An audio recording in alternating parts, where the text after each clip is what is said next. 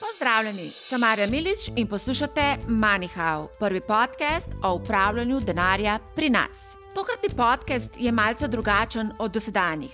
Predstavili vam bomo naložbene strategije investitorja, podjetnika in multimiljonarja Damjana Merlaka. Večina ga pozna kot soustanovitelja kriptomenjalnice Bitstamp. S prodajo deleža v tej menjalnici pa se je usidral tudi na menedžerjevo lestvico najbogatejših slovencev, kjer se zadnje leta nahaja bolj pri vrhu lestvice. Merlak brez dlake na jeziku pove to, kar misli, in praviloma tudi zelo odkrito govori o svojih naložbenih podvigih. Zato opozorilo, da njegovi naložbeni pogledi niso primerni za vsakogar, še zlasti ne za bolj konzervativno naravnane vlagatelje. Ta podcast je primeren za tiste z malce več znanja o investiranju. V pogovoru omenjava vroče naložbene zgodbe, kot so non-fungible tokens oziroma nezamenljivi kriptožetoni. Govoriva o IPO-jih, torej prvi kotaciji delnic, o spekih, ki so nova vroča zgodba, gre pa za namenske družbe, ki kotirajo na borzi, o decentraliziranih financah oziroma DeFi-jih in tako dalje. Seveda omenjava tudi bolj klasične naložbe, kot so delnice in sklade, ki kotirajo na borzi oziroma ETF-e. Veliko pa je tudi govora o trgovanju z opcijami, saj je to Merlakov primarni način trgovanja.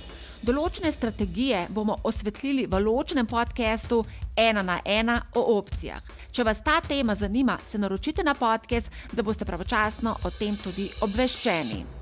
Za vse ostale, ki bi želeli spoznati in razumeti borzne osnove, predlagam, da poslušate na Manihau tudi podcast z naslovom Vroča borza, podivjani vlagatelji, seksi naložbe in kanček črnega humorja, ker spoznavalcem kapitalskih trgov Andražem Grahkom, soustanoviteljem podjetja Capital Genetics, na poenostavljen način pojasnjujemo določene borzne pojme, glavne lekcije preteklih balonov ter seveda na svet, kako se staviti pripraviti košarico naložb. Enominutne tutoriale o upravljanju denarja lahko spremljate tudi na mojem YouTube ali TikTok kanalu. Če bi želeli bolj poglobljena pojasnila glede kakšnih naložb, mi pišite preko katerega od družbenih omrežij, sem na skoraj vseh prisotna, ali pa na marja.afnabusinessspace.com. Vse povezave bom tudi objavila v opisu podcasta. Toliko za uvod, torej akcija. Zdravo, Damjan. Zdravo. Damjan, mislim, da smo mi dva obdelala že vse možne formate intervjujev, vse od tiskanih medijev do live dogodkov, pa virtualnih dogodkov, celo izobraževalne dogodke za finančno opismenjevanje mladine smo izpeljala skupaj in ne boš verjel, tudi podcast smo že posnela, pa mogoče spoh veš ne za to. Ne, ne vem, kdaj. ja, točno to. Ja, ko smo prvič snemali Facebook Live pred parimi leti, smo ta pogovor potem izvozili v podcast. A, okay. ja. Ampak ni bil primarno mišljen kot podcast, je bil live. Uh, ne, to je bil primarno mišljen kot pač live dogodek, ki smo ga delali preko Facebooka. To je bilo v začetku leta 2018 in takrat naj jo je v živo preko Facebooka spremljalo, mislim, da okrog 20 tisoč ljudi. A se ti no. spomniš cifre? Mislim, da je bilo 20. Ne, ne spomnim se cifre, ampak vem, da je bilo to je bilo v času te um, prejšnje, prejšnje kriptomanije, tako da je bilo zanimanja verjetno zelo veliko. Ja, točno to. Ja, pa tudi ti si bil novinec na lestvici najbogatejših slovencev, in tudi takrat je priletelo ogromno vprašanj in tudi komentarjev. Takrat je celo kriptoskupnost ustvaril en mim iz najmenjega čita na začetku in sicer, kakšno je vreme na Malti. Ne vem, če se spomniš tega. Vse, ja.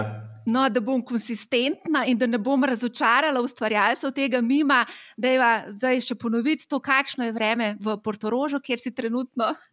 Uh, danes je sončno, odlično je. Super. Na Evo. Malti pa ne vem, kakšno je. Uh, kaj pa v Dubaju? Uh, v, Dubaju v Dubaju sem bil zadnje tri mesece in je bilo večinoma sončno. No, super, evo, zdaj gremo lahko mirno naprej.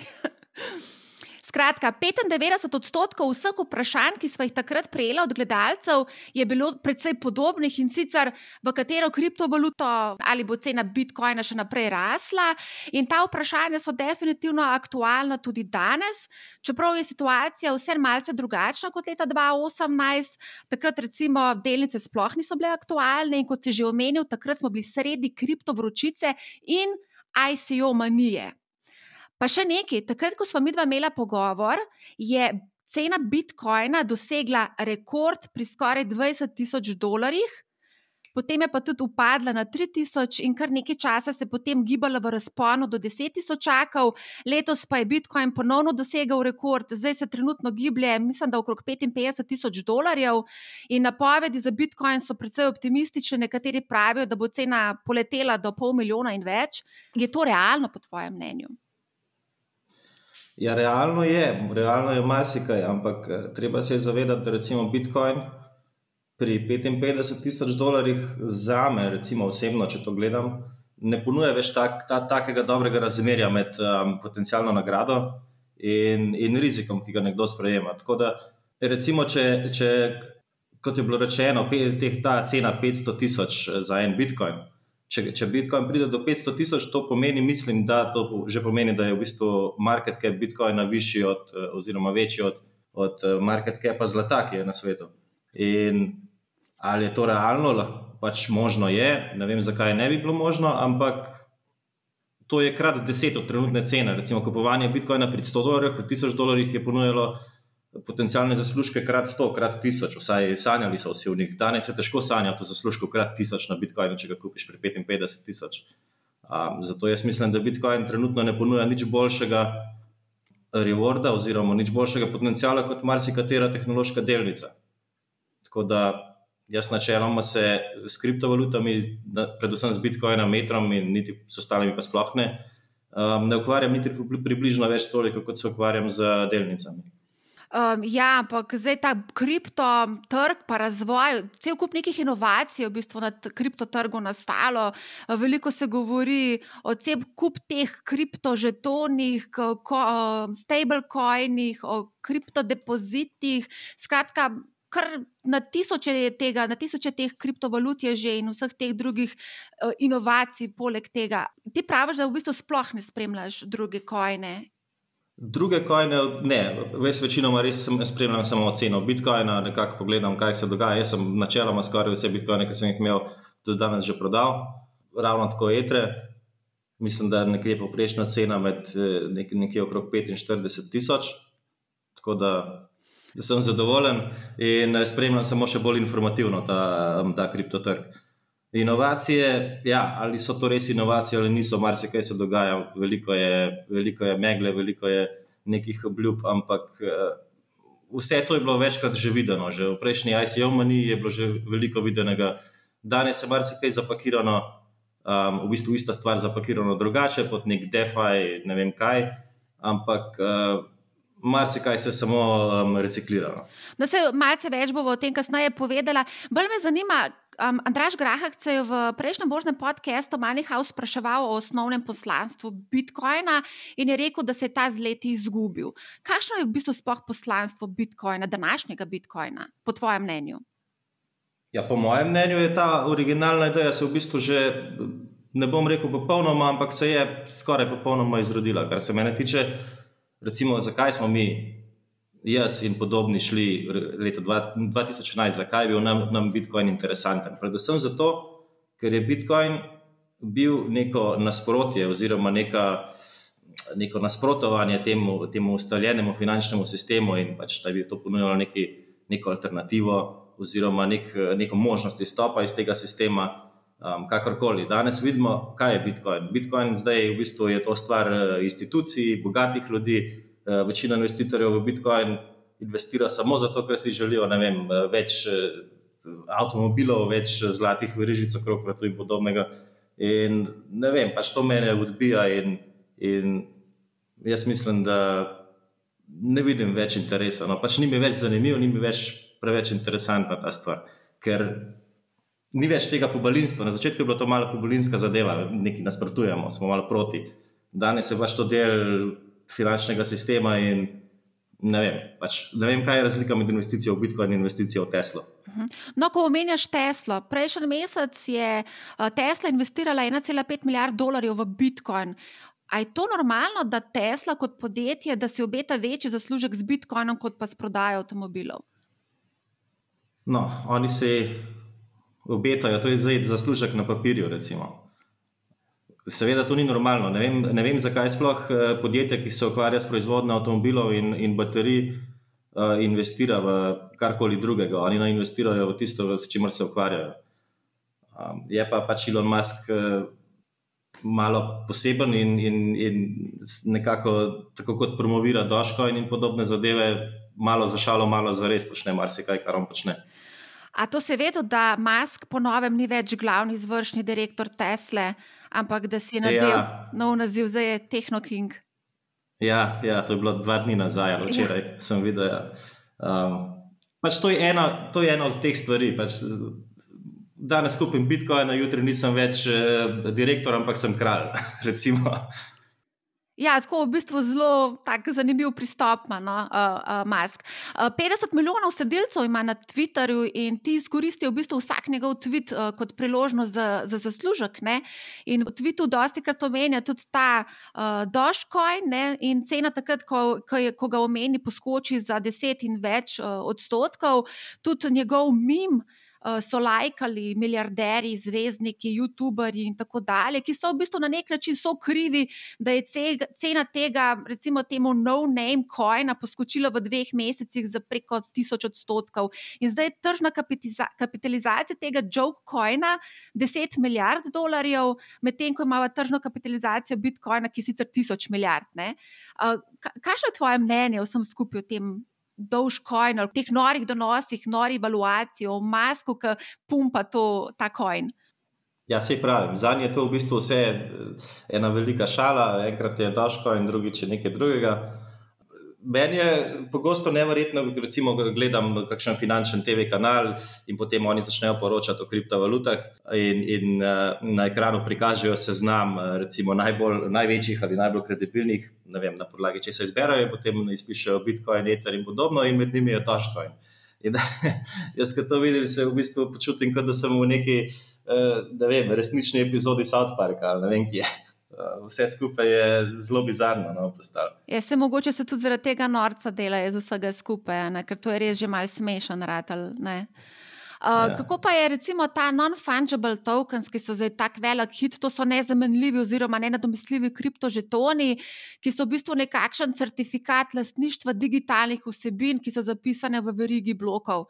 Ljudje prek tržnic investirajo milijone v te digitalne umetnine, videe, tvite in tako dalje. Uh, Um, 70 milijonov dolarjev je bilo na dražbi uh, prodano, Kristi so prodali uh, neko digitalno sliko.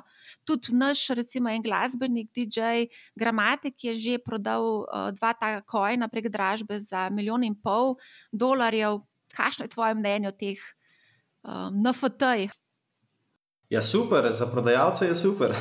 Kaj naj rečem? Um, kdor ga izda, kdor ga preda, kdor ga uspe spromovirati, eh, bravo. Ampak uh, ne vem pa, kje bo to dolgoročno našlo neko mesto v zgodovini ali kjerkoli. Ker za določene stvari, ja, za recimo neke digitalne, že v, že v osnovi digitalne eh, stvari, razumem. Recimo, ne vem, nekdo proda svoj tweet, ok, če nekdo kupi njegov tweet. Njegov problem, ampak razumem, zakaj bi za to uporabil NFT. Da pa nekdo, na primer, zažge originalno umetnino in jo, in jo prenese v digitalno obliko in proda NFT, tega pa pač jaz ne razumem. Ne vem, zakaj bi nekdo raje imel nekaj v digitalni obliki, kot pa v originalu. Ampak jaz mislim, da je to vse skupaj, recimo to, kar se dogaja z NFT, je dober pokazatelj pač norosti, v kateri trenutno živimo. Pač to je, ne vem, ali je to pregrevanje ali to ne vem kaj. Jaz nisem živel leta 90, mislim, sem živel, ampak nisem bil aktiven na finančnem področju leta 1999 in potem 2000 eh, tek Bablu. Ampak če je karkoli podobno tistemu, jaz mislim, da je to, kar se zdaj dogaja. Torej, pričakuješ, da bo vsak čas se razpočel in da bomo začutili bolečino vsi vlagatelji? Ja, jaz mislim, da je eventualno ja. Pač ta stvar se dobro, sigurno ne bo končala, ampak ali je to zdaj vsak čas, ali pa čez tri leta, pa jaz ne vem. Mogoče čez pet let, mogoče. Uh, eno zadevo bi te pa vseeno vprašala. Kadarkoli se pogovarjam z vlagatelji, vsi so zelo bikovsko razpoloženi, tole se mi pa zdi, da je bolj medvedji trend, ali kako napoveduješ. Jaz sem tako, jaz sem sicer, ja, to, kar jaz govorim, je zelo medvedje razpoloženo, ampak jaz trgujem bikovsko. Ker druge v trenutnem svetu ne moreš narediti, kot da, da si long, ker da pač kupuješ najmanj precenjeno stvar možno. In potem? In potem upaš, da, upaš. da še nekaj časa traja. Jaz sem mislila, da je v zadju kakšna kalkulacija, kakšni izračuni, kaj upanje, pač vse veš, kako je z upanjem. Ne? Ne, zato, zato pač pri trgovanju investitorji, trgovalci, kakorkoli uporabljamo uh, hedge pre, preko opcij, kakršen koli način. Zdaj, meni načeloma je vse, če jaz kupujem kol opcije na neko tehnološko delnico, je moj recimo rok zapadlosti, ne vem, tri mesece. Meni je vseeno, tudi če se market v, v tem obdobju totalno sesuje, jaz sem pač izgubil premijo. In na ta način jaz trgujem. Zato mi je, načeloma, jaz pričakujem, da se bo enkrat sesulo, ampak ne morem biti short, ne mogoče. Dej, a se lahko samo mečkam, bova tudi to obdelala, ampak bi se pa vseeno rada vrnila mal na ICO vročico, ker v bistvu ta NFT mogoče mečkam asocira na ICO manijo, čeprav vsebinsko zadeve niso posem primerljivi. Spomnim se, ko si rekel sredi največje vročice, da bo večina kriptožetonov pristala na smetišču zgodovine. In to se je potem dejansko tudi res zgodilo, večina žetonov je pokopana. Tudi sam, konec koncev, si likvidiral dva projekta, ki sta nastala za ICO. Ja, mislim, večina, večina je že tam, tako kot eh, rečeno. Večina je že, eh, nekateri pa pač še bodo tja prišli. Nekateri zdaj, recimo, jaz sem pač svoje, svoje projekte nekako prostovoljno zaključil, ker sem videl, da nekako nima prihodnosti. In um, sem jih relativno uspešno uspel nekako zapeljati do konca, brez da bi investitorji izgubljali vložke. Medtem ko nekateri projekti še vedno ustrajajo, ampak eh, tam ni prihodnosti in tudi sredstev ni več nobenih, tam bo, bo, bo ničla na koncu. Mar se kdo se sprašuje danes? Ti si rekel, da si prodal večino kriptovalut, ki si jih imel, se pravi Bitcoin, pa Ether. Mar se kdo se sprašuje zdaj, ali proda, držati kripto? Kaj bi ti takemu človeku svetoval? Um, težko je reči, prodati, držati, ampak lažje je reči, mogoče neko povedati v taki uh, maniji, ki jo ponovno vidimo. Um, zdaj prodaja ali pa držati še naprej, to je pa le, zdaj vsak, vsak posameznik se mora tukaj odločiti. Res, jaz sem se nekako odločil, nekako 40 tisoč. Jaz sem bil tako, jaz sem bil takrat v Dubaju, ki je šel Bitcoin prvič na 42 tisoč, potem je šel nazaj nekako do 30, se mi zdi. In jaz sem takrat začel prodajati. In pač jaz sem videl določene stvari. Jaz imam tam uh, neke kolege, prijatelje, in eden od njih je šel v trgovino. Enkrat sem se zbudil, me je klical popoldne in rekel: Da sem bil v trgovini, kupil sem dal Lamborghini, enega Urusa in enega Aventadorja. Sem rekel: Zakaj? Bitcoin je čez 40 tisoč. Ok. sem rekel: Jaz grem počasi ven. Um, ne vem, jaz pač gledam take znake norosti ljudi, kaj se dogaja. In uh, jaz sem se odločil, da grem ven mogoče gre Bitcoin še naprej na 100, mogoče gre na 200, ne vem, ampak jaz vam tudi druge dobo ta donos, kot bi ga dobil od Bitcoina, od Bitcoina od tukaj naprej. Mislim, da. Spomnim se, ko smo se enkrat pogovarjali, si rekel, da ko si postaviš nek cilj, da se tega cilja držiš in prodaš naložbo, pa če tudi potem v bistvu nekako pridobiva ta nalo, naložba na vrednosti, da se potem ne oziraš več nazaj ne obžaluješ, tako kot danes slišimo, kaj bi bilo, če bi bilo. Ne, ne to je brez veze. Pač. Ja, pri delnicah jaz vedno, ko kupim delnico, vedno že takrat, ne samo da si postavim cilj, jaz postavim tudi naročilo za prodajo na tisto ceno. In jaz potem lahko sploh ne gledam, mogoče se prodaja enkrat, ko jaz spim, mogoče se prodaja, ko sem jaz na dopustu. Um, in, in redko, redko, res 90% časa tega naročila za prodajo nikoli ne spremenim. Zdaj pri Bitcoinu je bilo malo drugače. Jaz sem Bitcoin še imel nekaj odprej. Zdaj, ko se je ta korona kriza začela, je Bitcoin padal na ne vem, 3000, nekaj takega, je bil nek low. In takrat sem jaz še pač vrgal nekaj denarja v Bitcoin, in potem niti nisem vedel, koliko jih imam. Jaz sem začel gledati, koliko imam teh Bitcoinov, ko je bila cena 40 tisoč, in potem sem imel malo presenečen, wow, jaz sem kar precej tega. in, in sem začel po hitrem postopku prodajati. Če bi te kdo vprašal, na katere kriptovalute ali pa kriptožetone bi se splačal biti pozoren v prihodnje, bi mu povedal kaj? Še vedno Bitcoin.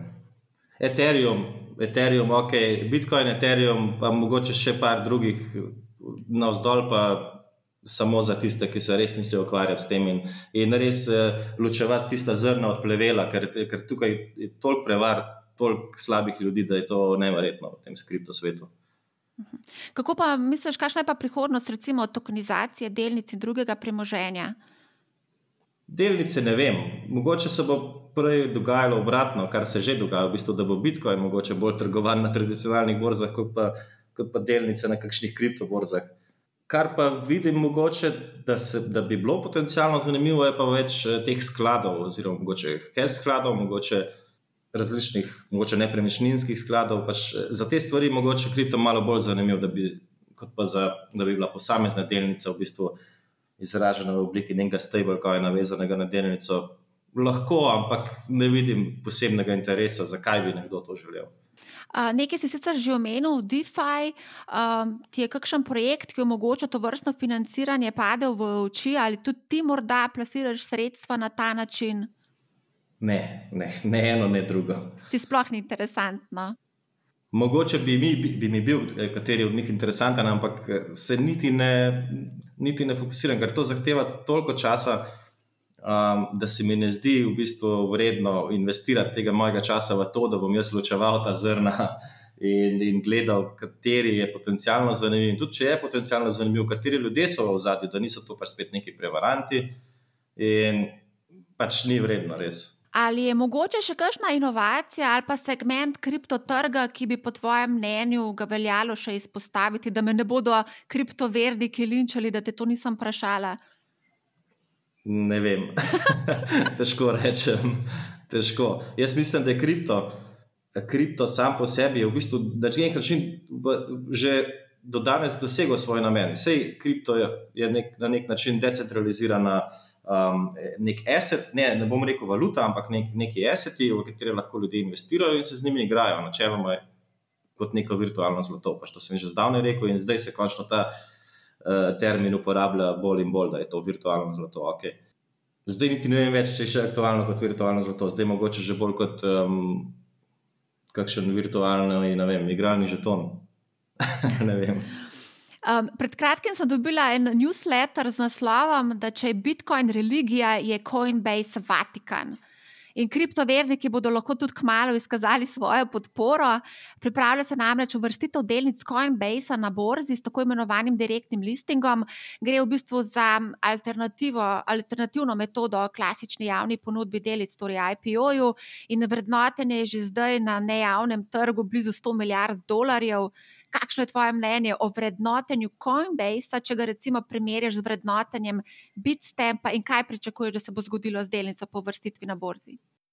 Zdaj, jaz ne, ne vem, kakšno ima, kakšno ima Coinbase um, prihodke oziroma dobiček, uh, ker, se, ker, ker se nisem toliko poglabljal v to, ampak zagotovo je ta valuacija, kakršna koli številka že so, je ta valuacija sigurno uh, v vesolju. To sem prepričan, sploh ne rabim vedeti številke.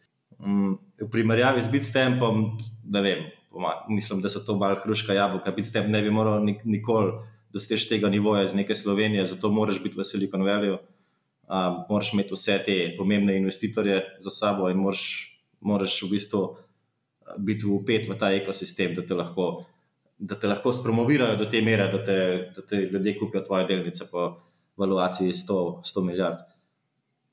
Kaj pa misliš, da se bo zgodilo z delnico po vrstitvi na borzi? Ponavadi se vemo, kako skočijo te delnice, tako ko se uh, kot, kako začnejo kotirati na borzi. Ja, ampak če bo, če bo IPO narejen po 100 milijard, potem delnica skoči za 100 odstotkov, bo Coinbase vreden 200 milijard, kaj še dvakrat za 100 odstotkov, pa bo Coinbase naj, največja firma na svetu. To je to, to je to. Ja, ja. Vem, če, če, se pravi, če je, če je IPO narejen na 100 milijardah, potem ne vem. Zdaj, marsikatera delnica je šla večkrat po 100 odstotkov od, od IPO cene v zadnjih časih. Tako da, če Coinbase naredi isto, ne vem.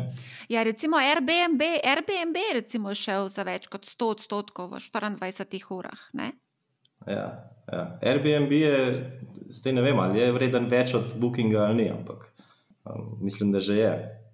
Jaz. Ker na zadnje, ko sem gledal, še tik po IPO, mislim, da je bila cena bistveno nižja od, od današnje, sta bila tam tam, po, valuat, po kapitalizaciji.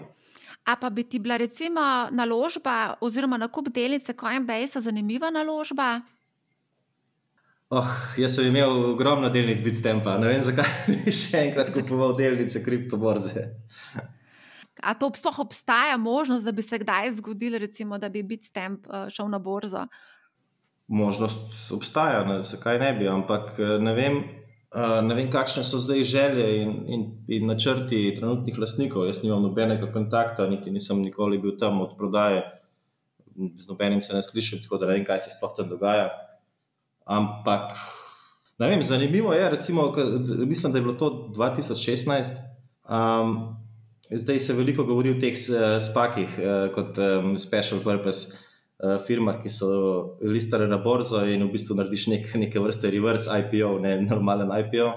In jaz sem to dejansko predlagal, da bi Bitstamp naredil leta 2016, ampak eh, sem bil pač zavrnjen kot Bitstamp je resna firma, tega se mi ne gremo. No, jo, par let kasneje je to veliki hit. Ja, res je, veliki hit so speki, uh, to so namenske družbe, ki kotirajo na borzi. Ne, recimo Andraš Graha, ki je v borznem podkastu to zelo lepo poenostavljeno opisal. In sicer to so gostilne brez menija, a z vrhunskimi šefi, ki gostom obljubljajo izvrstno pojedino, le da ne vemo, kaj nam bo šef postregel in da mu pač moramo zaupati. To, ja. to se mi zdi, da je tako zelo lepo opisano. In, ja, si morda v kakšnem. Malo pesniško. Zelo pesniško, seveda. Eh, veliko prispodob je, je bilo uporabljenih, pa veliko hrane. Ampak da mi povej, recimo, a ta aspekt je interesanten, si morda investiral v kakšnega? Imáš kakšnega ogledanega? Ne, nisem, uh, nisem ampak spremljal, kaj se dogaja. Kot, pač zanimivo mi je, vse, katere, katere firme to naredijo. Uh, Ne, niti eh, si ne predstavljam, kako če bi si želel investirati v kakšnega od njih. Si ne predstavljam, kako bi sploh v bistvu se odločil za katerega, ker načeloma ti v bistvu kupuješ eh, prazno firmo in upaš, da bo ta firma enkrat združena z neko dobro firmo. Niti ne veš, s katero in ničesar. Tako da to je. Uh, kupovati te firme je v bistvu čisti gambling, ker niti ne veš, kaj kupuješ v prihodnosti, niti ničesar ne veš. Ja, to mogoče veš, to je čisto sveža novica, da ne bi se platforma za trgovanje e-toro uvrstila na borzo z družitvijo s PEC-om. Fin videl, ja. Fintech Acquisition Corp 5, tiker je menda FTCV, če koga zanima. A se ti to zdi, recimo, zanimivo? Za investicijo? Yes. Um, ja, zdaj je verjetno ta tiker je verjetno že zelo zrastel od včeraj, kdaj je bilo to najavljeno. Yeah. Ja. Uh, tako da nisem, nisem spremljal, ampak. Uh, predvidevam, da je. Uh, zdaj, e-toro sam po sebi, jaz ne vem, ali, ali, ali, so, ali imajo dobre, verjetno imajo trenutno dobre rezultate, ker je povpraševanje po tem trgovanju iz strani retaila ogromno. Ampak ne vem, jaz, jaz bolj investiram v neke drugačne tehnološke podjetja, ne toliko trgovalne platforme in exchange in podobne zadeve več. Je v katere tehnološke, recimo, ti investiraš? No, recimo od. Uh, zadnjih IPO-jev, mislim, da je bil v lanskem letu, bil recimo Palantir narejen, uh, Cloudflare je bil leto prej.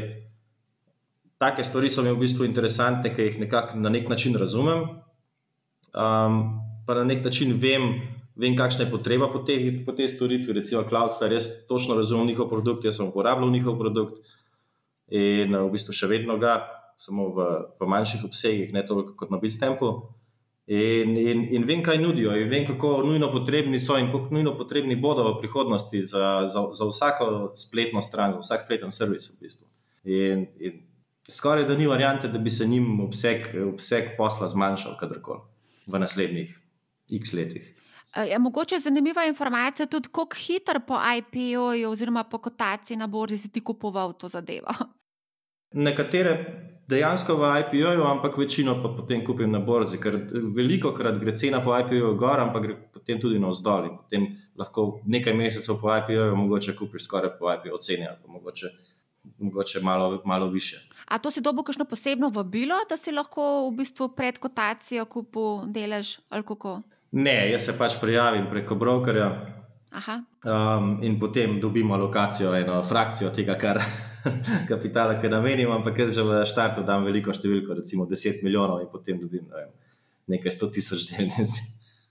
Ker tako vem, da ne bom dobil za 10 milijonov, ker, je, ker dobiš tako majhne um, procente tega, kar misliš vložiti, da lahko že v startu daš ogromno cifro.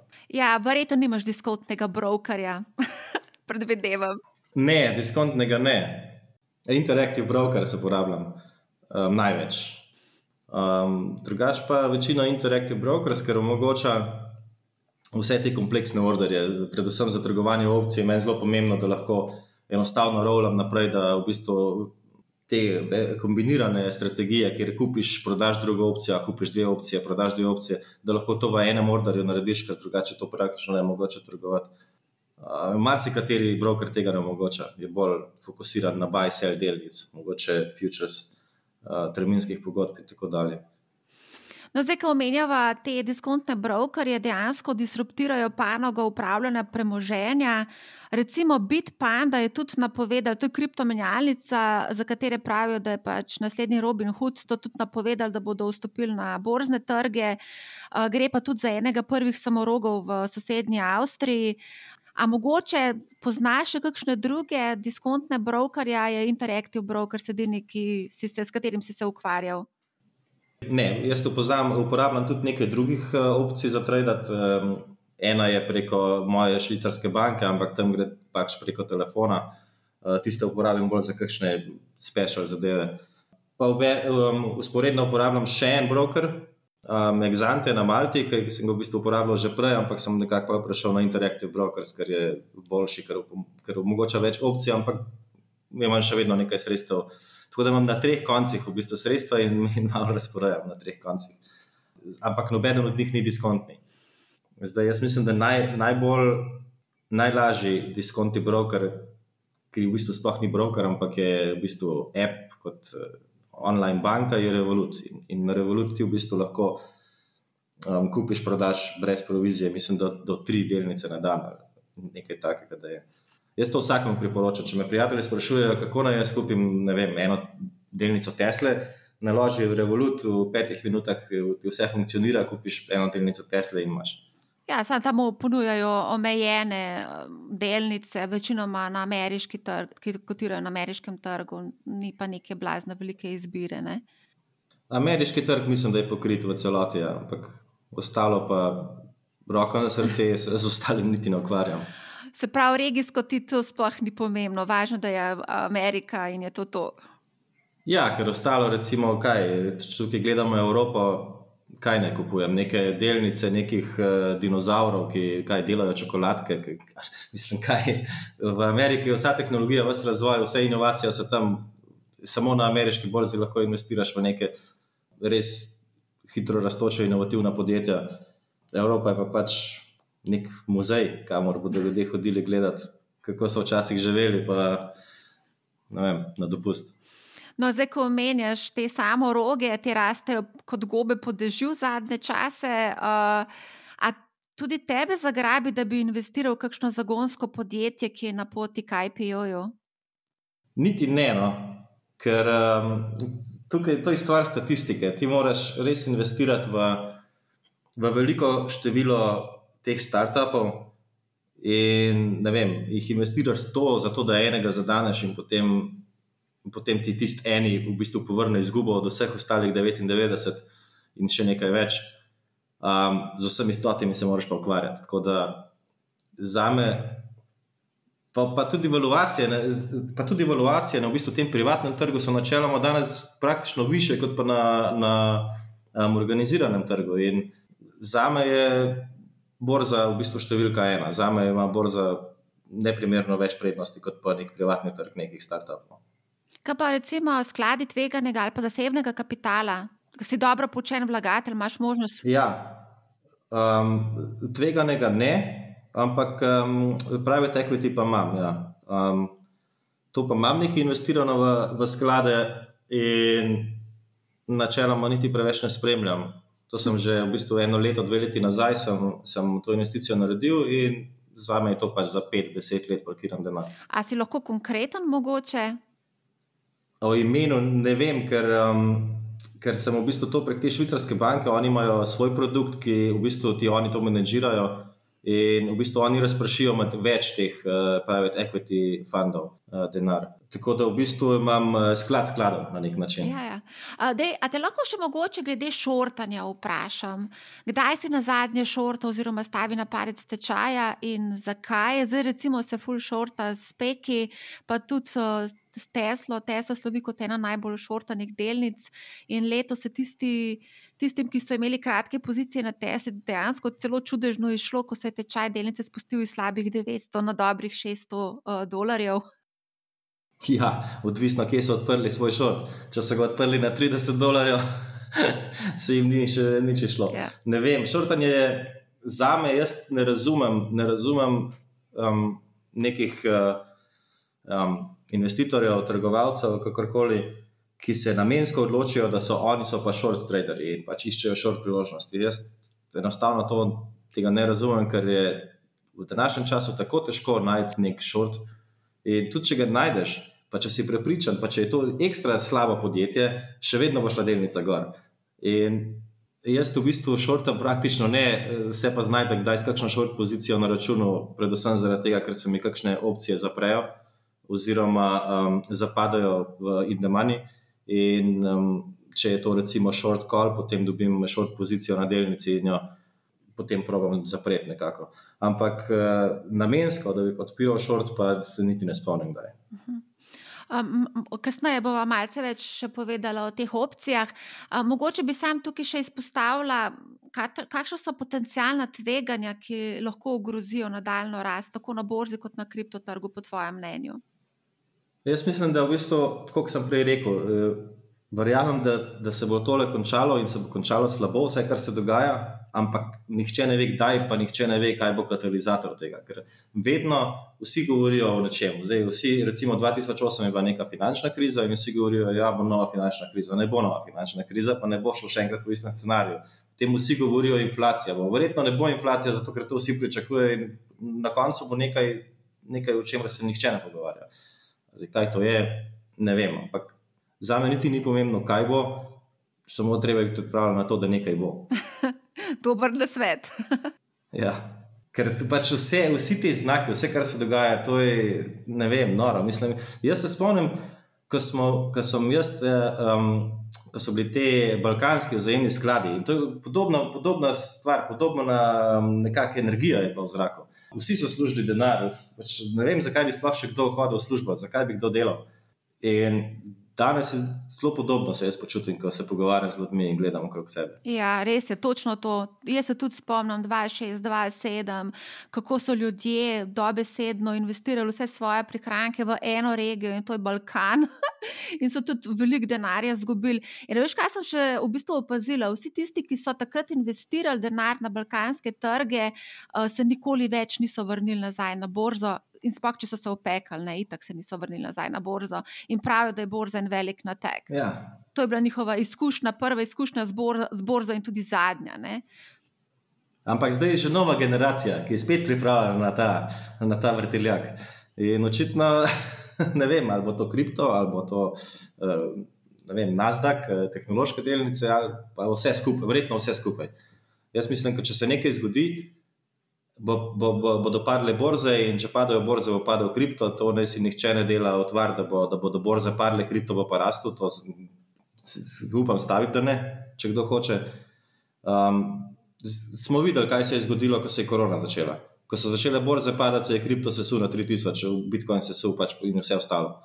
In to je danes, bolj kot je kripto povezan, bolj kot so finančne institucije, ki vsi navijajo za to, da grejo finančne institucije v kripto, bolj bo to vse korelacija med temi različnimi trgi. In že zdaj je v prihodnosti, pa, bo pa še manj v bistvu prednosti investiranja v kripto ali pa v tehnološke delnice, karkoli. Vse skupaj bo približno podobno in donosi, in gibanje tečaja. Ja, ti Damien, ali si ti mogoče se kaj umaknil z kakšnih delnic ali pa strgal, recimo s kripto, si, si rekel, da si se umaknil, ali si se mogoče že pripravljaš na ta scenarij, ali bo še mal počakal in pač po, po, požrl to smetano, ki je zdaj trenutno na trgu?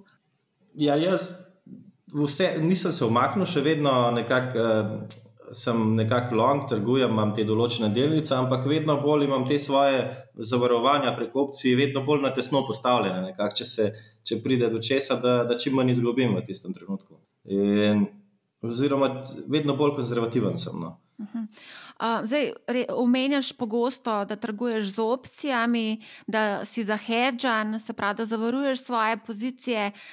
Kaj pa delnice? A tudi delnice kupuješ, samo z opcijami? Trguješ?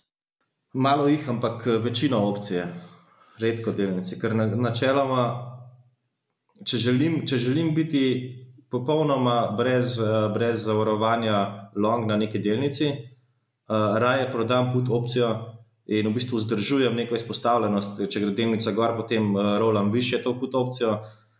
Kot pa da bi imel direktno delnice, ker vseeno z prodajanjem put opcij, jaz v bistvu zaslužim, če gre delnica gor, ali pa če ostane na istem nivoju, če, če pa pade, pa v bistvu izgubim identično, oziroma z opcijo še nekoliko manj, ker, ker mi je premija nekaj izgube povrnila. In samo opcije zahtevajo več časa in več, več znanja, več pozornosti, in s tem se je treba v bistvu skoraj vsak dan ukvarjati, medtem ko buy and hold. Lahko hodiš v drugo službo in se ukvarjaš s tem, in, in samo pustiš svoj denar investirati. No, ravno o tem sem se tudi pogovarjala v prejšnjem podkastu in sicer ravno o opcijah. Jaz mislim, da večina ne zna trgovati z opcijami, tudi finančniki, s katerimi se jaz pogovarjam, pač ne trgujejo z opcijami. Ne? Tako da, kot si rekel, zato pač potrebuješ kar precej znanja, izkušenj. Ti si začel v bistvu že v srednji šoli ne, se ukvarjati z borzo. Ne vem, ali si že takrat kupoval opcije, to ne vem. Vem pa, da si že omenil mi takrat, da si kupoval delnice. Ja, ja, takrat se ne, opcije sem začel bistveno kasneje. Na začetku sem trgoval predvsem Ljubljansko borzo. Takrat, takrat so, bili, so bili tisti časi, zdaj ne vem točno, katero leto, ampak Balkan je bil potem malo kasneje. Um, takrat je Ljubljanska borza v bistvu dolga leta rasla in rasla, in to mislim, da je potegnilo veliko ljudi v ta cikl. In tudi jaz sem v bistvu takrat začel sicer potem narediš v, v, v tistih začetnih letih ogromno napak, večkrat tudi zgubiš precej denarja, zdaj precej. Za tiste čase za me je bilo to precej. Ampak je dobro, da se naučiš takrat, ko nimaš še veliko denarja, vseh napak in da takrat narediš napake, ne pa potem kasneje. Zdaj, ko omeniš slovenske delnice, so veljajo za ene bolj dividendno donosnih na svetu. Ali ti imaš kakšno zdaj delnico slovensko še v svojem portfelju? Mislim, da ne. Mislim, da ne. Razen če je, če je kje kaj ostalo, pa niti ne vem. Ampak eh, ne, pa me niti ne interesira, ker že prej sem rekel, da, da me že Evropa ne, ne privlači preveč, Slovenija je pa še potencirano. to, kar sem povedal. Tako da ne vem. Tukaj pa res ni ničesar za naborze.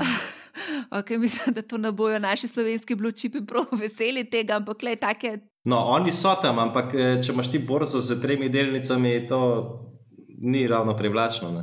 Zdaj, ko omenjaš uh, borzo, regijo, delnice, re, omenil si, da pač panoga ti je interesantna, pač tehnološke delnice oziroma tehnologija, regijsko pa v bistvu Amerika. Ali sem ja. še kaj spustila, ali je še kakšna druga mogoče panoga, ki bi bila mogoče potencialno zanimiva? No, jaz grem tudi izven tehnologije. Ni zdaj tako, da sem jaz strogo fokusiran. Pač imel sem v preteklosti, trenutno mislim, da ne, večkrat tudi delnice Johnson Johnson. Johnson Johnson je imel um, eno leto nazaj, že malo več, več teh um, primerov, nekih tožb zaradi, zaradi njihovih uh, preteklosti s temi opioidi, ne vem kako je v slovenščini točno. Um, In ja, pač takrat, ko neka delnica izrazito pade, sem jaz ponavadi um, zainteresiran za nakup. In, in tako sem večkrat kupil tudi marsikaj, kar se niti preveč ne spoznam, kaj delajo. Zdaj, za Johnson Johnson in take stvari vem, kaj delajo. Ampak pri kakšni stvari niti ne veš, ampak samo igraš na neko volatilnost, ker pri trgovanju je v bistvu volatilnost tvoj prijatelj, ni, ni tvoj. Um, sovražnik, tako kot eh, večina govori, da je volatilnost problem. Za trgovanje je volatilnost super, bolj se stvar premika, več, več lahko narediš z manj tveganja. In na ta način jaz v bistvu veliko krat kupim delnico, za katero mogoče niti točno ne vem, um, kakšno je ozadje. A pa ti, recimo, uh, si bolj trgovalec ali bolj staviš na dolgoročno? Oboje. Jaz, bi, jaz pa v bistvu, tako kot sem prej rekel, da imam na treh, um, na treh brokerjih v bistvu um, sredstva. Uporabljam recimo Interactive Broker za aktivno trgovanje, medtem ko imam na tej švicarski banki um, čist pasivno neke, recimo tiste private equity funde in potem še kakšne delnice, ki se jih odločim kupiti. In mislim, da jih ne bom nikoli prodal, jih potem kupim tam, ker tam so provizije više, ampak se ne rabim s tem ukvarjati. Um, tako da oboje počnem v bistvu.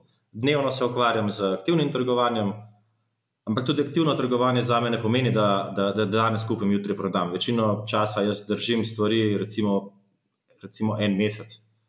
Um, to je za me aktivno. Uh mhm. -huh. Ja, kaj pa recimo tvoja donosnost v preteklem letu z naložbami? Kakšna je bila? Zdaj, na aktivnem trgovanju v preteklem letu sem naredil nekaj čez 100 odstotkov. Uh mhm. -huh. Ampak eh, za aktivno trgovanje jaz namenjam približno 10 odstotkov svojega, svojega kapitala, um, ker, ker aktivno trgovanje za me pomeni tudi eh, zelo tvegano trgovanje. Jaz se zavedam, da če, jutri, če se jutri zgodi, ne vem, 2008, gre, je, je moj račun na Interactive Brokers verjetno nič. Ampak uh, jaz pač naredim 100 odstotkov letno, 2008 se ne zgodi vsako leto. In uh, je pač to tveganje, ki sem ga pripravljen sprejeti. Medtem ko na, na tistem dolgoročnem portfelju, pa mislim, da sem imel 20 odstotkov, ki so pač tečaji, nekako SP 500. Tisti je zelo, zelo um, skladen z recimo rastjo SP 500 in podobno. Uh, kako pa je, recimo, a so pomembne dividende, ko se odločiš recimo, za naložbe, ali kupuješ kakšne delnice, ki prinašajo lepe dividende? Ne, za mene. Za me je to popolnoma nepomembna stvar, zato ker. Um, jaz, ko trgujem opcije, pogosto trgujem na način, da prodajam premijo. Zdaj, ali je to popolnoma naked short, ali pa je to na nek način zavarovan short. Um, jaz, v, v, kdaj v enem tednu dobim uh, toliko premije, kot, kot jo dividenda prinese v celem letu, in je popolnoma irrelevantno. Tudi na delnicah, recimo kot je Johnson Johnson, je še vedno mesečna premija, na put opciji tolikšna, kot je celoletna dividenda. Ja, na izvedene finančne inštrumente je obdavčitev pri nas v Sloveniji 40 odstotna, kolikšna je pa tvoja obdavčitev? ja, čim bliže nič. okay. Ali lahko mogoče um, našteješ par tvojih zadnjih nakupov oziroma prodaj? Uh, Vem, da sem, da sem upravil precej nakupov in prodaj za delnico Cloudflare v zadnjem tednu, zaradi tega, ker je bila zelo volatilna. Mislim, da tudi Palantir precej. Mm, Visa, to vam je spominjal. In Amazon. Amazon je, je šel pod 3000 prejšnji teden, zdaj na 3100 bi včeraj. Um, mogoče še kakšno, ampak zdaj iz glave se ne spomnim spet ne delam jaz te, um, tako količino posla, tako da jaz, če v enem tednu potrebujem 3, 4, 5 delnic, je to že kar precej. A imaš kakšno delnico ali pa naložbo ogledano in jo boš v pravi priložnosti kupil? Um, ne, ne, v bistvu jaz, če pomislim, nikoli nimam neke naložbe ogledane in čakam. Jaz v bistvu bolj spremljam, če je kakšna stvar izrazito padla in potem pogledam, ali je to mogoče interesantno za kup ali ne. Um, ker imeti vnaprej, mogoče, mogoče zato ne, ker, ker se te paci ne dogajajo tako eh, pogosto, da bi, da bi v bistvu rabo imeti vnaprej pripravljen seznam delnic, ki jih želim kupiti. Ampak takrat, ko nekaj pade, recimo Cloudflare, ki sem omenil, sem kupoval v zadnjem tednu, zato ker je, ker je precej padel. Cloudflare je bil na 90 dolarjih, v zadnjem tednu je šel na 60, recimo, prejšnjem tednu. In takrat se potem jaz odločim, na podlagi ene, dveh, treh delnic, ki so mogoče v tistem tednu izrazito parle, potem si rečem, ali je to za me interesantno. Cloudflare je itak na mojem seznamu delnic, ki so mi všeč, tako da sem, sem šel kar z velikimi zneski takrat not. In danes smo, včeraj smo bili na 75. Um, a mogoče lahko poveš, uh, s katero naložbo si izgubil največ denarja, mogoče tudi koliko? ja, lahko je. Ja. Um, to je bila nafta. Uh, nedolgo nazaj, lansko leto, ko je šlo v minus. Uh, mislim, da je bilo to 5 milijonov v enem dnevu. Wow. Ampak uh, to je spet treba vse postaviti v kontekst. Na nafti sem jaz naredil 15 milijonov v 20, 12 mesecih predtem, tako da sem bil še zmeri overall pod črto, 7 milijonov v plusu. Ampak uh, tudi ta 5 milijonov, to je bil pač uh, moj maksimum los. Tam so bile moje put opcije in tam so pač put opcije upravljale svojo vlogo in so preprečile večje izgube. Ker če pa, bi, če pa ne bi bilo put opcije in bi jaz pač pustil, da gre to v minus, bi bilo pa izguba, ne vem, 50 milijonov ali pa še več. Ja, um, torej, lekcija v ozadju je bila. Da je vedno treba se zavarovati, ampak ne stop-losi. Stop-losi so, jaz, jaz sem najbolj proti stop-losom na svetu, ker jaz nikoli nisem uporabljal stop-losov in stop-losi ti v bistvu lahko poberajo vse profit. Katera pa je tvoja najbolj pogosta opcijska strategija, ki jo uporabljaš? Najbolj pogosta je zagotovo um, čist preprosti um, naked short uh, put opcije. Se pravi, prodaja put opcije brez, uh, brez zavarovanja. To je identično, kot da bi kupil delnico, samo da za to dobiš uh, plačeno premijo. V bistvu, če, če delnica pade, si ti, ti dobiš te delnice. Če pa ne pade, pa obdržiš premijo, ki si jo obdržal. To v bistvu počnem konstantno. Potem pa delam še bolj kompleksne zadeve, kot so mogoče um, koledarski spredi ali pa uh, diagonalni spredi, kjer v bistvu kupiš eno opcijo in uh, največkrat te skupim recimo, neko dolgoročno opcijo, pol leta v prihodnosti ali eno leto v prihodnosti, večinoma polovico leta. In potem napram tej um, dolgoročni opciji prodam tedensko ali mesečno um, po višji ali enaki ceni, in na ta način v bistvu ta tedenska ali mesečna izgublja premijo bistveno hitreje kot pa tista dolgoročna. Um, in v tem primeru izgubiš denar samo, če se delnica zelo premakne navzgor ali navzdol. Um, če, če se premika v nekih normalnih okvirih, 90% časa zaslužiš. Zdaj, iz te najbolj tvegane naložbe, pojva še malce v obveznice. Pred korono si mi rekel, da imaš del denarja v kratkoročnih ameriških državnih obveznicah, takrat so bile obrestne mere više kot so danes. A tudi danes držiš obveznice, oziroma razmišljaš o naložbah s fiksnim donosom. Konec koncev si rekel, da imaš 10 odstotkov namenjeno celotnega premoženja za trgovanje. Ne? Ja, za aktivno trgovanje ostalo ima pa potem v delnicah in uh, teh private equity skladih in tudi uh, direkt neposrednih deležih zasebnih podjetij. Obveznic trenutno nimam, takrat sem jih imel, ja, to se spomnim, smo se pogovarjali, ampak uh, potem so šle v bistvu obrestne mere tako navzdol, da, da, da sem enostavno vzel ven, ker je tako šla iščeti cena obveznice navzgor. In donos je bil zelo mali, tako da zdaj imam v bistvu kar vsta, vsa ta sredstva, ki so bila prej v obveznicah, jih imam zdaj direktno v ameriških dolarjih. In nimam niti investirane nikjer, čakam na priložnosti, če karkoli pride, imam sredstva na razpolago. No, zdaj, ko omenjaš sredstva na razpolago, recimo slovenske banke so napovedale ležarine za denar, ki čaka na banki na, in je na razpolago, morda tudi za kakšne a, naložbe, pravijo, da se bo ta denar preselil v nepremičnine, to bomo videli. A recimo tvoja banka, omeni se, da imaš v Švici banko, ne? a ti zaračunava kakšno ležarino? Nisem prepričan, ker jaz, um, kot sem rekel, nimam evrov na računu, imam ameriške dolarje. Na ameriške dolarje ležatine ni, ker, ker obresti niso negativne. A če bi pa imel evre, pa si predstavljam, da bi moral verjetno plačevati kakšen znesek. Ja. Vem pa, da v Sloveniji, recimo, imam en poslovni račun za enega izmed mojih podjetij, um, je poslovni račun na delovski hranilnici in sem opazil, da mi vsak mesec zamejo nekaj izračuna za neke obresti.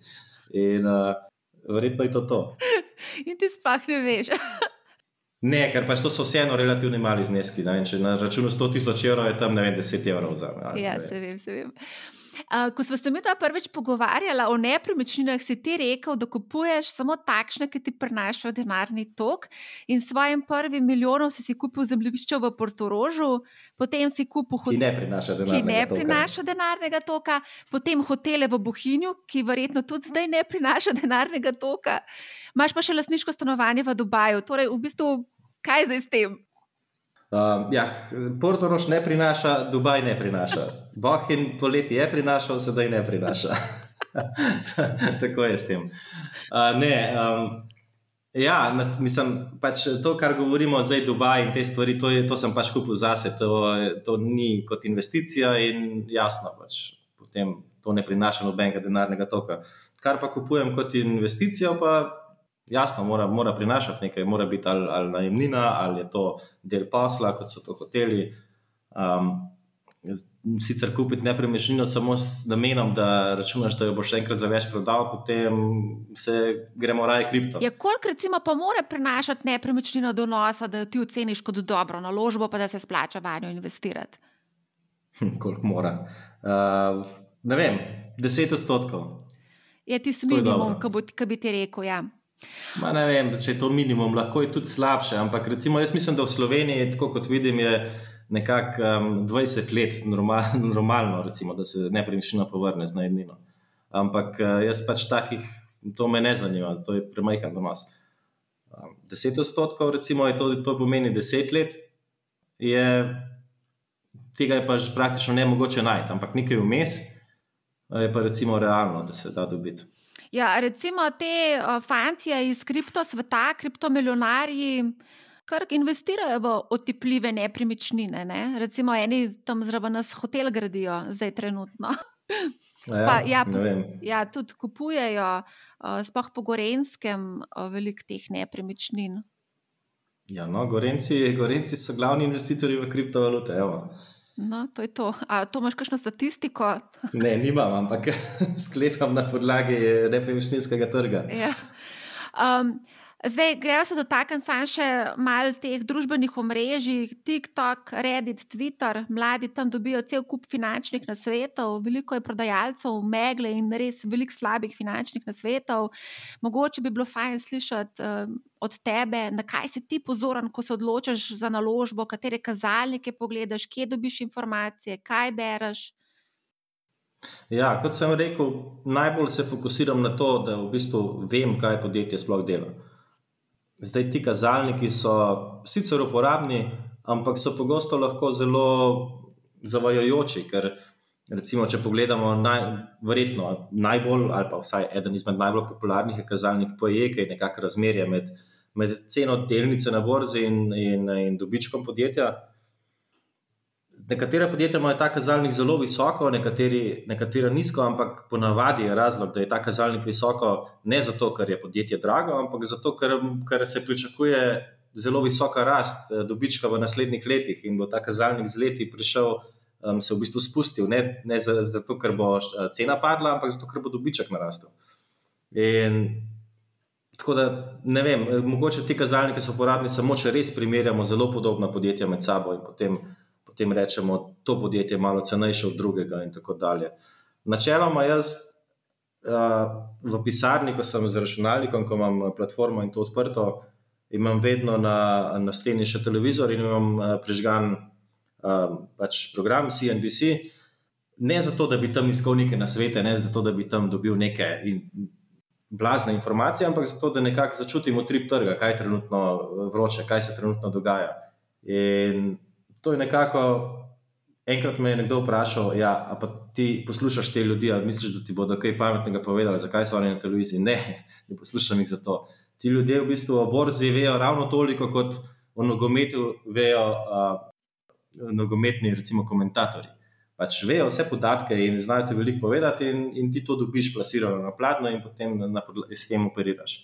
Spremljam tudi veliko nekih um, YouTube kanalov, recimo raznih. Uh, podkastov, eh, če temu tako rečemo, tudi eh, nekih spletnih strani, ampak tudi eh, recimo pri YouTubu, če se vrnem na YouTube. Spet en, en znak pregrevanja in znak, v kakšni narosti danes smo. Vsakič, recimo, ljudje kot smo jaz, če, če spremljamo neke finančne novice, če spremljamo neke finančne strani, um, nam potem Google oziroma YouTube tudi um, prikazuje finančne nekako glase pred videom. In vsak video, ki pogledam, um, je nekdo v nekem private chatu z nekimi kavčki denarja, nekaj prodaja neke na svete. In, in tega ne vem, eno leto nazaj, še, ni, še nisem, ali pa dve leti nazaj, v, v, v takem obsegu opazil kot danes. In, tako da je še en znak pregrevanja. Tega je res zelo veliko. Ne vem, kje ti ljudje, sicer, ki so v teh jetih in izkočki denarja, kateri broker oni uporabljajo. Ker moj broker dobiček nakaže na transakcijski račun, ne, ne prinese ga v kočko, ampak ne vem, očitno to pali na ljudi, da dobijo, da dobijo te uh, subscriberje na njihove kanale. Ja, to, koček denarja, pa en hud avto, to je to, kljubca. no, ja, ja. Z avtom se prepiraš do aviona, avion greš s kočkom polnim denarja in potem nekaj pristaneš in ga, ne vem, kaj narediš. No, se veš, kako gre. No. Če pa kdo ve, pa ti veš. Ne? Ja, sem. ja. Um, a imaš morda finančnega svetovalca? Ne.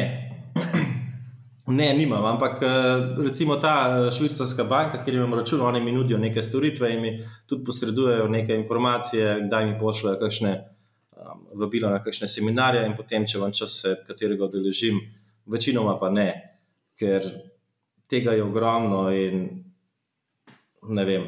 Če se, nekdo, če se nekdo v to poglobi, če se nekdo ukvarja s tem vsak dan, praktično zadnjih deset let, mislim, da, da to več kot kakšen koli svetovalec. A tudi tvoji frendi, a se lahko z njimi recimo pogovoriš, a obvladajo tako borzo, kripto, tako kot ti? A imaš enako vrednega sogovornika na drugi strani? V Sloveniji se večinoma moje družbe ne, ne ukvarja s tem, tako da, uh, tako da niti ne. V Dubaju pa imam nekaj ljudi, ja, ki, ki se v bistvu kar, kar dobro spoznajo na, in na borzo, in nekateri tudi na kripto. Um, čeprav se jaz raje pogovarjam o borzi, kot pa o kripto, ampak vseeno. No, glede na to, da imaš toliko znanja, izkušenj, tudi uh, veliko dolg časa, že zdaj že lahko rečemo, da več kot desetletje investiraš na borzi. Ali lahko morda daš kakšen koristen nasvet za male vlagatelje, ki bi zdaj, zdaj radi na vsak način vstopili na borzo, kupovali delnice, ETF-e, kripto, karkoli?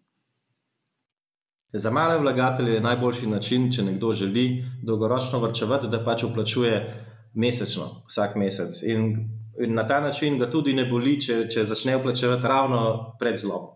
Ker, ker bo v bistvu dolgoročno dosegel neko povprečje in vsak mesec vložiš 100 evrov, 200 evrov, 300 evrov, pač kakšno koli številko bi nekdo mesečno vrčeval. In na dolgi rok to v bistvu naredi največ, kar lahko. Ker um, pa najbolj pomembno je to, še bolj kot to, je pa pomembno, da se to začne čim prej, ker, ker uh, veliko več razlike naredi, uh, če je časovnica daljša, kot pa če je donos malo višji. In um, jaz bi res priporočal, predvsem, predvsem najmlajšim, ki to poslušajo, da začnejo čim prej v bistvu investirati v življenje. Pa tudi če z minimalnimi zneski, sem tudi minimalni zneski so pomembni zato, ker človek začne to stvar spremljati in mogoče vsak dan malo gledati, kaj se dogaja, in, in s tem začne dobivati nek občutek in, in se začne izobraževati s tem. To je odličen svet, ker dejansko danes lahko kupiš frakcije, delnice, sploh ne rabiš celo. Tako da tudi v bistvu govorimo o diskontnih brokerjih, ki v bistvu provizije niso visoke in to v bistvu ne boli toliko vlagatelje, kot je mogoče včasih, ker teh diskontnih brokerjev ni bilo. Ampak mogoče bi posebno lahko povedal, zdaj, ko se reko mesečne vložke, kam, kam v ETF-e, globalno razpršene vzajemne sklade, mogoče če lahko še tle si malo bolj konkreten. Najlažje je zagotovo investirati eh, v vzajemne sklade. Tam si lahko naredijo ljudje tudi trajnike in podobne zadeve. Ker pri ETF-ih, recimo, ETF-ov je ogromno, to je prvo kot prvo. In eh, potem se morate odločiti za neko, ponavadi so ETF-ji specializirani. En, en vlaga v tehnologije, en vlaga v naftna podjetja, en vlaga v letalsko industrijo in tako dalje. Um, seveda so tudi zelo globalni. In Ampak predvsem je problem to, da če želite vlagati v ETF, je to že nek effort, ki ga morate narediti, rabite nek borzni račun. Ne morete eh, v ETF eh, vlagati brez borznega računa, ker ETF je v bistvu delnica sklada. In dobro, zdaj danes so res, kot sem rekel, revoluti in to vse tako dostopno, da to mogoče niti ni več problem, ampak še dve leti nazaj pa recimo bil problem. Jaz bi recimo rekel, če, če, če je nekdo pripravljen se vsaj toliko potruditi, da si odpre borzni račun, pa naj bo to ali Revolut ali karkoli bolj kompleksnega, če je to pripravljen narediti, potem naj gre raje na ETF. -e. Super. Ej, Damien, jaz se ne bom več sprašvala o tvojem lifestylu. Uh, mislim, če se to želijo poslušalci spremljati, kaj ti počneš v svojem življenju, predlagam, da sledijo tvojemu Instagramu. Koliko sledilcev imaš zdaj tam? Uh, dobro vprašanje. Ne vem, mislim, da je 10 tisoč, kaj takega. No, v glavnem tam objavljaš izseke iz svojega bogatega življenja. Včasih več, včasih manj. Ja. Ali lahko poveš, mogoče, kakšni so tvoji načrti za naprej? Si morda našel kakšno novo poslovno priložnost? Iščem. Trenutno se v bistvu ukvarjam predvsem s temi, ki sem jih, ki sem jih začel v preteklosti. Um, imam pa željo, ja, imam željo po novih investicijah, imam željo po kakšnem novem podjetju, ampak spet vse to je zelo težko v trenutnih razmerah, ker je vse drago, vse je predsedeno, vse je pregreto res je težko kupiti karkoli, ker vsi pričakujejo nore zneske za vse, kar imajo. Mogoče bom še nekaj časa čakal.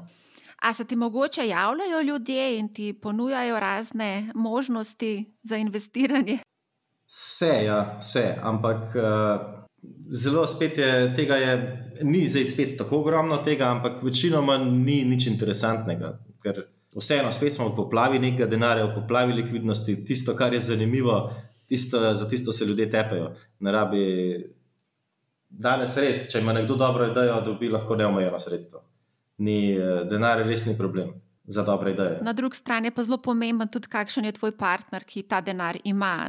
ja, to je pa res. To pa mora pač tisti, ki gre z nekom, ki sprejema kapital, mora v bistvu uh, malo razmišljati o teh zadevah.